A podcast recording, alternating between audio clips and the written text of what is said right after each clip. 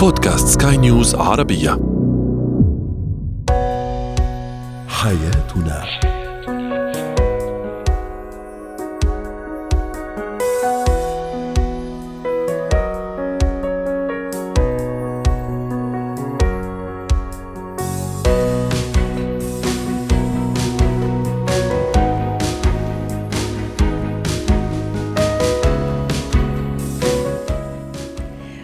الكرام أهلا بكم معنا إلى حياتنا. فضاؤكم اليومي الذي يعنى بشؤون الأسرة وباقي الشؤون الحياتية الأخرى والذي يمكنكم الاستماع إليه عبر منصة سكاي نيوز عربيه dot com slash podcast وباقي منصات سكاي نيوز العربية الأخرى. شاركونا عبر رقم الواتساب 00971 561 88 622 معي أنا آمال شابة.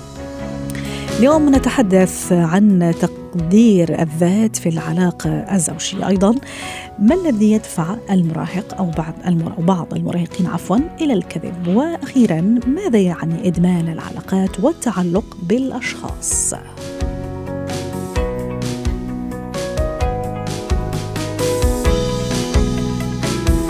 هو وهي.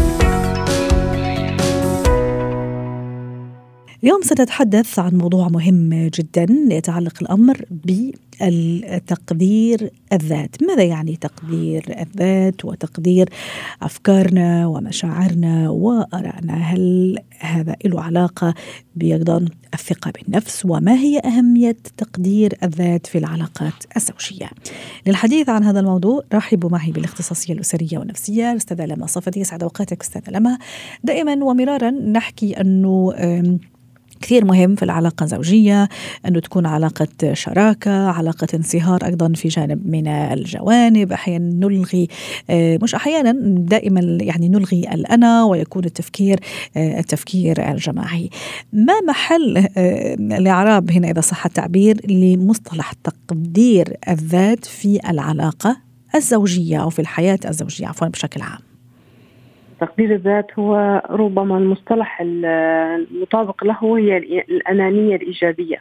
دائما مفهوم الأنانية بالمجتمع العربي بدل على أنه شخص يحب نفسه يفضل نفسه يسعى لإيجاد سعادة شخصية بغض النظر عن الموجودين. ولكن عندما نقول بأنه مصطلح الأنانية الإيجابية هو مصطلح معاكس يتضمن فكرة بأنه الإنسان متى استطاع أن يحب نفسه بطريقة إيجابية وكان سعيد بكل ما يدور في فلكه من تفاصيل حياته اليومية قادر على إعطاء السعادة للآخرين. فالحياة الزوجية عامة دائما هناك مصطلح بأنه كل شخص يتخلى عن شخصيته وعالمه. أنا أغالط هذه الفكرة بأنه أغلب الزواجات الناجحة هي عبارة عن علاقة ما بين شريكين كل منهما ما زال يحتفظ ببعض مساحة من الخصوصية والهوايات النظرة إلى الحياة ربما حتى لو كان في اختلاف بالآراء يمكن اختلاف الآراء بظل يترك هذه العلاقة متجددة على مر سنوات. للأسف بكثير من المجتمعات العربية أحيانا يضطر أحد الطرفين إلى تهميش الآخر. صح. وصولا إلى أو إلغاء وأيضا أو إنه يضطروا إنه يعني يخليه يعني شخصيته تماما ملغاة خلينا نقول بين بين قوسين. وأكيد كمان أستاذة لما ما راح يتأتى أو يتحقق تقدير الذات في الحياة الزوجية. إذا أنا مع نفسي ما عندي هذا التقدير أو ما عندي هذا الاستحقاق مع نفسي. ولا وش رأيك أستاذة؟ وإلا ما راح يكون طبعا ما راح أقدر أسقطه على الحياة أو الحياة الزوجية. صحيح. هذا أهم نقطة بأنه الإنسان لما يكون استحقاقه عالي وهو يدرك بأنه أنا إنسان أتمتع بكافة الحقوق ولدي يعني الأشياء التي تفرحني وتحزنني وتسعدني فبالتالي لابد أن أكون سعيد حتى أستطيع إعطاء السعادة للآخرين. نحن هون لا نستطيع يمكن أن نكون حتى لا نكون مثاليين. يمكن كثير من الأشخاص اللي يسمعونا اليوم يمكن بيبتسموا بصمت بفكرة بأنه هذا الموضوع صعب مع الشريك الحالي اللي أعيش معه.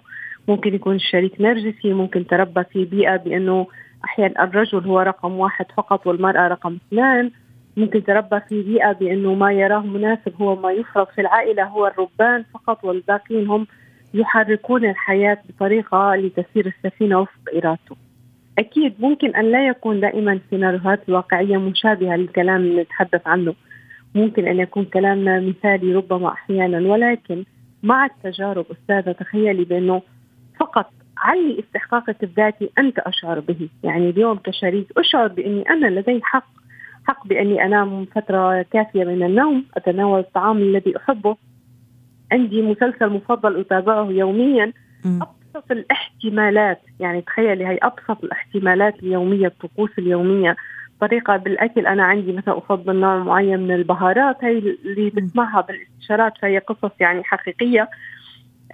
هي استحقاقك عندما فقط ابحث عن هذا الاستحقاق الحقيقي ودافع عنه ستصل الرسالة إلى الشريك حتى صحيح. لو بعد حين وكمان يعني هذا حضرتك عم تحكي في أبسط الأمور كمان شوي إذا يعني رحنا لأشياء أعمق شوي أستاذة صف نعم. أستاذة لما كثير كمان مهم أني استحقاقي لنفسي أني أعرف أه، قيمة نفسي أعرف إيجابياتي أعرف المزايا اللي أنا موجودة عندي أه، فكمان هذه كثير مهمة يا أستاذة لما هذه ترفع من استحقاقي لذاتي وبالتالي أيضا هون راح يقع هذا التقدير في الحياة الزوجية وأكيد الطرف الآخر راح يستشعر تقديري لذاتي وبالتالي بشكل أوتوماتيكي هو أيضا راح كمان هذا التقدير راح يكون عالي بالنسبة لي. صحيح. آه مثلا أعطيك قصة واقعية مثلا إحدى السيدات قالت ليس لدي أي عمل في الحياة لأنه شريكي لم يشجعني. وأحيانا كان دائما ما يقول بأنه أنت لن تنجحي. طب أول سؤال هو ممكن يطرح هل حاولتي؟ هل حاولت البدء بدورات أونلاين؟ هل حاولت البدء بمشروع صغير؟ فهي تقول لا حتى لم أحاول. يعني هون لا نستطيع أن نضع الحق على الشريك لأنه الإنسان نفسه استحقاقه الذاتي ضعيف، الإنسان نفسه يرى تقديره لنفسه بأني أنا فاشل أصلا، ربما هي مخلفات عائلية. أها صح. هذا كمان ما كنت راح أطرحه. كنت عم أفكر بموضوع الثقة زي ما أشرنا في البداية. هل عنده علاقة بالثقة والعكس ذلك؟ عدم الثقة قلة الثقة عدم يعني تقدير ممكن كمان تربية عائلة. هل كمان هذه عندها دور في تقديري أنا لذاتي وبالتالي إسقاط هذا هذا الميزة الجميلة والإيجابية في حياتي الزوجية؟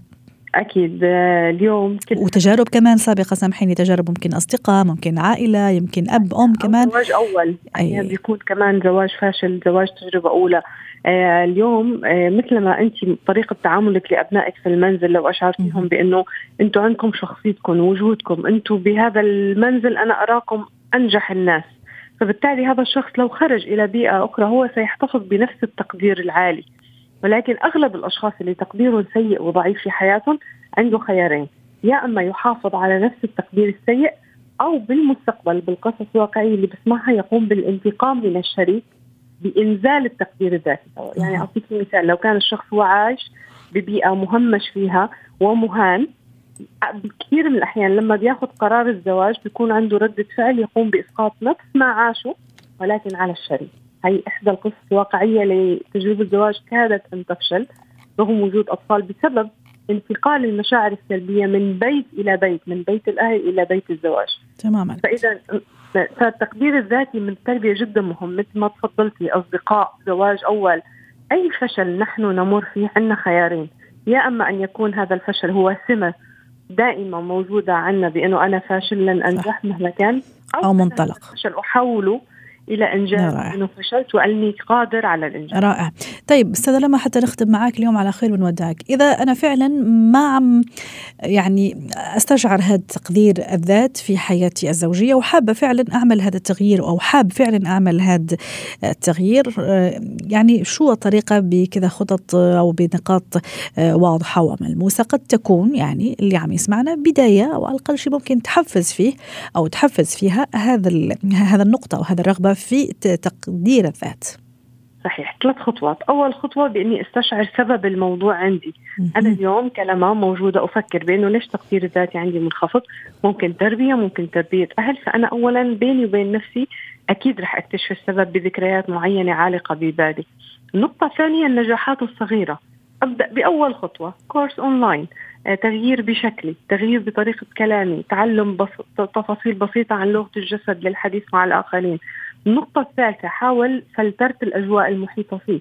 هل كل ما يحيطين فيه بنفس طبيعتي هم تقديرهم الذاتي ضعيف سلبيين في الحياة غير داعمين؟ فأنا بالتالي أبحث عن صداقات مع أشخاص ناجحين مبدعين ولأنه النجاح والسعادة تأتي بالعدوى. صحيح. من باب جار زو آه، جاور السعيد تسعد؟ صحيح.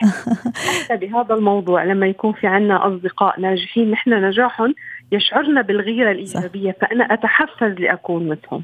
شكرا لك. في أشخاص سلبيين فأكيد رح يأثر. شكرا لك. أنا أتشكرك أستاذة لما صفدي يعطيك ألف عافية وأتمنى لك يوم سعيد.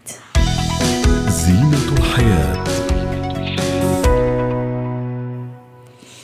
تحدثنا في حلقات سابقة عن الكذب عند الطفل في سنوات الطفولة الأولى وقلنا أنه شيء مقبول إلى حد ما لأنه في هذه المرحلة السنية تحديدا عادة ما تم تزيج براءة عفو الأطفال بأحلامه الصغيرة وبخيالاته الواسعة أيضا وبخياله الخصب.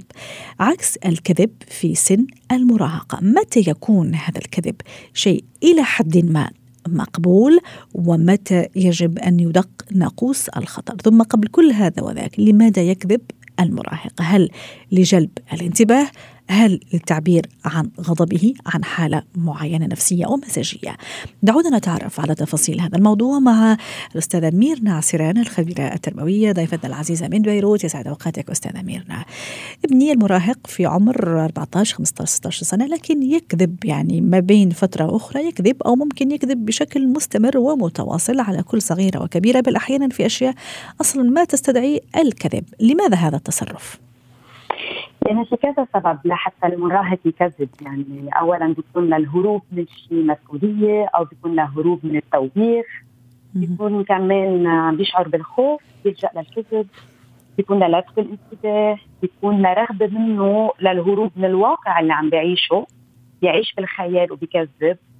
أو ممكن ليوصل لغاية معينة بيتبع الحيل وبالتالي بيكذب. أو بيكون ليقنع أهله بشيء بيعرفهم لاهله كثير منيح بصير بيتحايل عليهم وبيكذب كمان ليوصل لهدفه. أو بيكون لهدف يمكن شوي أبعد ومأذي بسبب غيرته من من البيئة اللي عايش فيها أو من أصدقائه أو من إخواته كمان بيلجأ للكذب. ففي كذا سبب للكذب وبهمني أقول شغلة إنه الكذب لما بيكون مثل ما تفضلتي وقلتي عند الصغار شيء وعند المراهق شيء ثاني بس لما بنبلش تنتبه هذا السلوك من هو طفل ممكن يكون في كثير له اعتبار آه، عند المراهق لبعدين. أها. وهذا كمان اللي حابة أعرفه أو يعني أسترسل فيه أستاذة ميرنا. خاصة إذا كان الكذب كذب هذا المراهق بشكل متكرر. أتصور كمان ممكن راح يطوروا بشكل سلبي ويستخدموا كمان بشكل سلبي حتى ياخذ على مكتسبات خلينا نقول أو على أشياء أنا ممكن يعني ماني حابته إنه إنه يأخذها مثلا. أو كمان قد يتطور أو قد يكون يعني سبب واضح أو أحيانا غير واضح لمشاكل نفسية ممكن ستستمر. معه لفترة طويلة. مزبوط مزبوط هون بدنا ننتبه لتكرار الكذبة أو تكرار السلوك آه الكذب وقد إيه حجم الكذبة اللي عم بيكذبه. فلما بنروح ورا السبب الأول يعني أهم شيء مش بس كمان أحيانا حجم الكذبه يقول لك ليه كذب كذبة صغيرة ممكن يكذب كذبة كبيرة ولا يا أستاذة؟ المبدأ واحد. م. المبدأ واحد مضبوط. فعشان هيك هون بدنا ندقق مش على الكذبة شو هي لبال على السبب وراء الكذبه وقد إيه تداعياتها عم بتكون. هون عم نحكي بحجم للكذبة قد إيه تداعياتها عم بتكون. فهون لما بتتكرر وبتكون تداعياتها شوي هيك حجمها كبير لازم نبلش نقلق. ومعقول يكون في عنده اضطراب سلوكي بده حل عند أخصائي آه، كرمال ما يعيش كل حياته فيها يعني. بده حل. وقبل ما أوصل لهذا الأخصائي السلوكي أستاذة ميرنا أكيد نحن كآباء وأمهات نحاول كثير مرارا وتكرارا. آه، في بعض البعض ينجح في احتواء هذا المشكل في السيطرة على هذا المشكل وفي البعض لا ينجح في السيطرة على المشكل. قد يكون السبب الطريقة اللي أنا عم أتبعها وقد يكون كمان السبب هو شخصيته هو. يعني أحيانا يكون شخصيته شوية صعبة مزاجي متقلب عنيد و و و. وأنا كمان أرجح للطريقة اللي نستخدمها كمان كأباء وأمهات. مشان هيك اليوم حبينا نضوي على هالموضوع ونتعرف مع حضرتك ونستفيد من خبرتك لنعرف شو الطريقة المثالية اللي أتعامل فيها مع طفلي أو مع المراهق تحديدا اللي يكذب وبشكل متكرر. هلا آه كثير مهم إنه من طفولته نغرس فيه الصفات الحميدة مثل الصدق الأمانة النزاهة ونضوي على قيمتهم بالحياة. يعني لما نبلش من نحن هن وصغار نضوي على هالصفات. وكمان نحكي عن تداعيات الكذب النفسية عليه الشخص لما يكذب لما بيحس بالذنب لما بيصير بيحس بالتوتر. هدول الأشياء كمان بنضوي عليهم من خلال القصص. تكبر معه براسه مفروض تترسخ هلأ وصلنا للمراهقة. أي. المراهق بده يكذب لسبب ما. مثل ما عم نقول فيها تكون كذبة صغيرة فيها تكون كذبة كبيرة. أول شيء آه، ما ننفعل. يعني نحن كأهل آه، ما ننفعل لما المراهق يكذب. نتصرف بطريقة هادية نجرب نفهم شو سبب الكذبة وناخذ الموضوع بطريقة آه، هادية. ونشوف كيف ممكن نحل الموضوع هون. يعني إذا كانت الكذبة كبيرة تداعياتها شيء عقابها شيء ولما تكون الكذبة صغيرة وتداعياتها شيء كمان. يعني نجرب نتصرف بطريقة عادلة. لكن حتى إذا كانت الكذبة صغيرة نجرب نفهمه أنه لا يعني كمبدأ مثل ما أشرنا مبدأ مرفوض سواء كان الكذبة صغيرة أو كبيرة لكن المبدأ مرفوض. أنا كمان حابة أركز على نقطة اللي ممكن هي راح تكون سبب مباشر وقوي جدا اللي يخلي أبنائنا المراهقين صراحة يستخدموا هالأسلوب اللي هو ما فيش جسر ثقة بيني وبينه ودائما فيها العلاقة الخوف عرفتي كيف؟ أنه يخاف مني أني أعاقبه أني أحرمه من شيء وخاصة بغض النظر ما كانت الكذبة كبيرة أو صغيرة بس موضوع الخوف موضوع عدم الثقة بيني وبينه فكثير مهم كثير مهم. انه نبني هذا جسر التواصل أنه شو ما عملت شو ما سويت تعال خبرني وقل لي بكل صراحة وبكل شفافية وساعتها راح نوصل لحل أنا وياك. إيش رأيك في هذا بهذا الطريقة؟ على الأكيد أنا بوافقك الرأي. أكيد لازم نأمن جو مريح جو آمن. يحس المراهق فيه إنه في يحاور أهله بكل ثقة بكل رياحة في أخذ وعطاء ومش بس هيك لازم نحترم المراهق تاعنا نحترم مشاعره نحترم صح. رأيه ونحمله مسؤولية آرائه كمان نعزز له ثقته بنفسه بالتالي ما يلجأ للكذب ليحل مشاكله أو ما يلجأ للكذب لحتى يحصل على اللي بده إياه من خلال أهله لأنه بيعرف إنه أهله بيوثقوا فيه أهله بيحترموه اهله بيسمعوا له صح. بياخذوا وبيعطوا. صح. ففي جو وضوح وأهم وأهله هم اصدقائه الأصدقاء الاوليين والأخيرين يعني هم اصدقائه قبل ما يكون صديقه بالصف ولا صديقه ابن الجيران ولا ابن الحي. الأب والأم هو الصديق الأول والأخير في الحقيقة. صح صح. وأهم من هذا كله كمان ما ننسى إنه آه هو انعكاس لأسلوب أهله كمان. يعني أسلوب تماما. المراهق هو انعكاس لأسلوب الأهل. تماما. آه لازم يكونوا هن خير مثال لأولادهم. آه يكون في هذا الجو الوضوح والصداق والصدق بيناتهم لما يتعاملوا. لأنه الكشف الكذبه بتنكشف دغري يعني في طفل كمان صح. يكشف إنه أهله عم بيكذبوا عليه. صح. صحيح. وحتى ما يوصل كمان اللي في المرض اللي هو المرض الكذب يعني. فهذا كمان معروف جدا واضطراب سلوكي حتى كمان ما نقع في في هذا المشكلة. آه، يعني من كذبة صغيرة ممكن بسيطة ما عرفنا نحلها مع المراهق. تكبر معه ويصير هذا الاضطراب السلوكي. شكرا اللي هو الكذب المرضي. شكرا لك أستاذة مير نعسران الأستاذة أو الخبيرة التربوية ضيفتنا العزيزة من بيروت. مهارات الحياة. نتحدث في برنامجنا في حياتنا بشكل مستمر عن العلاقات بشكل عام سواء بين الزوج والزوجة بين الشريكين في الحياة الزوجية وحتى أيضا في العلاقات الاجتماعية الثانية بين الأصدقاء بين الزملاء وبين الأهل أيضا وما إلى ذلك. اليوم سنتحدث في هالعلاقات عن شيء يعرف بإدمان العلاقات أو التعلق بالأشخاص. ماذا يعني التعلق بالأشخاص؟ أو بشخص ما أو الإدمان على علاقة مع شخص ما؟ و كيف الحل وما هي مهارة التخلص من هذا التعلق. للحديث عن هذا الموضوع رحبوا معي بنور هشام مدربة مهارات حياة. سعد أوقاتك يا أستاذة نور. ماذا يعني أنه شخص متعلق أو عنده إدمان على علاقة معينة أو إدمان العلاقات والتعلق بالأشخاص؟ آه يسعد أوقاتك أستاذة يا أهلا وسهلا. كل اللي عم يسمعونا. الموضوع جدا رائع صراحة وشائع جدا خصوصا هاي الأيام.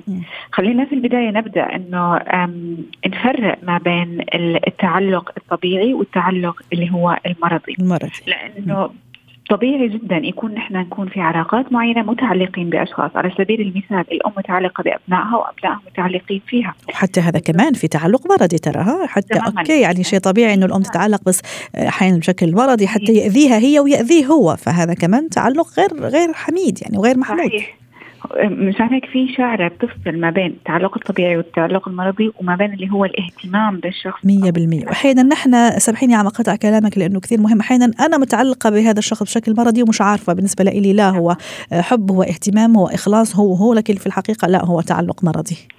أوكي عشان هيك خلينا نقول شو هي علامات التعلق المرضي. تفضلي. أول علامة فيها إنه أنا ما بقدر أعيش بدون الشخص الآخر. مم. يعني أو يهيأ لي. يهيأ لي قد يكون يهيأ. نعم. لو الشخص الآخر غاب عني لأي ظرف من الظروف ظرف سفر ظرف عمل ظرف انفصال قد يكون وفاة بجد أنه أنا لا أستطيع أنه أنا أكمل حياتي بدون هذا الشخص. وقتها ببدأ يكون عندي وعي أنه أنا فعلا متعلق بهذا الشخص. ال- بعض العلامات اللي هو أنا دائم التفكير في هذا الشخص دائم التفكير في أي رد فعل في أي فعل من هذا الشخص في كلام هذا الشخص. طريقة كلامي بتصير نفس طريقة كلامه حركاتي نفس حركات هذا الشخص. هذا الشخص لو غاب عني أنا ببدأ إني أبدأ أراقبه على مواقع التواصل الاجتماعي أشوف هو آه، موجود مش موجود الأنشطة تبعته كلياتها. آه، بصير في ال- ال- اللي هو آه، بحس إنه أنا لو هذا الشخص مش موجود أنا لا أشعر بالأمان. يعني هو صار منطقة الراحة تبعتي في حال غيابه أنا بكون عندي خوف بكون عندي قلق وقلق من الانفصال كمان مع هذا من هذا الشخص. تماما. يعني لو بعد عني لأي سبب مثل ما قلنا أنا ما راح أقدر إني أكمل حياتي. بتلاقيني مركز دائما على طلبات الشخص الآخر. يعني أنا بساعده في كل أمور حياته وبنسى نفسي. بجد نفسي مثلا في بعد فترة من زمن أنا ليس لي ما عندي أي إنجاز في حياتي لأنه أنا كل قدراتي ومهاراتي معطيها للطرف الآخر. ودائما لو الطرف الآخر عنده أي مشكلة أو تحدي أنا دائما عندي سلوك الإنقاذ. أنا بدي أنقذه من من الشيء اللي هو فيه حتى لو هو ما طلب مني. يعني حتى لو هو ما كلمني تلاقيني أنا لا أنا اللي بوقف وبدي أطلعه من اللي هو فيه وبنسى. وعلى حسابي. تماما. طبعا هذا الشيء أكيد بيأثر على حياتنا وبيأثر على حياة الشخص سلبيا طيب أنا كيف بدي أطلع من هذا التعلق؟ والتعلق قد يكون بشخص قد يكون في مكان قد يكون يعني هو تعلق عاطفي مش بس بأشخاص قد يكون حتى أنا متعلق في مكان معين متعلق في مكان عمل متعلق في مدرسة ما بقدر إني أنا أطلع منها. طيب أنا كيف بدي أتخلص من هذا التعلق؟ بما انه هو عائق فعليا لما يكون تعلق مرضي. النقطة الأولى أنا أعترف ويكون عندي وعي. مثل ما حضرتك قلتي في أشخاص متعلقين هم مش واعيين إنهم صح. في في تعلق. فلا أنا بدي أعترف في الأمر يكون عندي وعي أشوف هل عندي أنا هاي العلامات ما أتجاهل ال- آه، المشكلة. أعترف إن أنا عندي مشكلة ولازم إني أحل هاي المشكلة بعد ما أشوف العلامات اللي آه ذكرناها. ما ألوم نفسي لأنه قد يكون الشخص غير واعي لأنه هو وقع في هذا آه، التعلق. النقطة الثانية أفهم أنا ليه عندي هذا التعلق. هل أنا مريت بتجربة بعلاقة معينة فشلت فيما فيما سبق؟ هل آه، آه، أنا في تربيه الطفولة كان عندي نوع من النقص العاطفي من الأهل أو من المدرسة أو من الأصدقاء؟ فأنا عم بعوض هذا الموضوع الآن بعد ما أنا آه، كبرت. هل أنا دائما عندي عدم شعور بالأمان فوجود شخص ما في حياتي أو وجودي في مكان معين بحسسني بالأمان. اللي اللي أنا فيه؟ هل أنا عدم تقدير الذات والاستحقاق اللي كنا نحكي فيه اليوم في فقرة هو وهي آه، تدني الاستحقاق. كمان هل هذا عنده عنده دخل كبير وعامل؟ طبعا آه،. أكيد. عشان هيك من ال- اللي بيساعدني إنه أنا أركز على نفسي. أنا ورفع الاستحقاق. بالضبط. ما في مانع أكون أنا داعم للأشخاص اللي حوالي ولكن ال- الدعم الأول لإلي لنفسي وبعدين. بشوف الأشخاص بساعدهم بحدود بحدود معينة ما تكون عائق. آه، على حياتي. انتبه للرغبات اللي عندي أنا. شو. رغباتي هل هي رغبات صحيحة؟ أم هي رغبات بتوديني في طريق سلبي؟ أعيد صياغة أفكاري لأنه من أس... لو بنرجع للسبب الحقيقي لهذا التعلق. دائما إحنا عندنا نوع أحيانا أنت على فكرة متعود على وجود الشخص أنت مش متعلق فيه أنت ما عم بتحبه. هو مجرد تعود. ليش بيجي هذا التعود لأنه أنا لما وجود شخص دائما في حياتي صوت المسج اللي بيوصل لي منه في الدماغ بيعمل مثل اللي هو تشابك بين النواقل العصبية مهم. مثل بنسميه ال wiring فأنا متعود إنه أنا لما أسمع صوت المسج من هذا الشخص يصير عندي نوع من السعادة. من الراحة إذا غاب عني هذا هذا الصوت أنا بتلاقيني كئيب طول اليوم. فهو قد يكون تعود ما يكون آه، آه، آه، حب. وكثير مهم كمان حتى نختم معك يا أستاذة نور التدرب على حب النفس زي ما أشرتي من قبل شوي والنظر كمان إلى العلاقات يعني على اختلافها. نحن ما عم نحدد علاقة معينة بشكل واقعي أيضا حتى ونكون صرحاء مع ذاتنا ومع أنفسنا. بدي أتشكرك شكرا لك أستاذة نور هشام. أسعدتينا اليوم مدربة مهارات حياة ضيفتنا من دبي.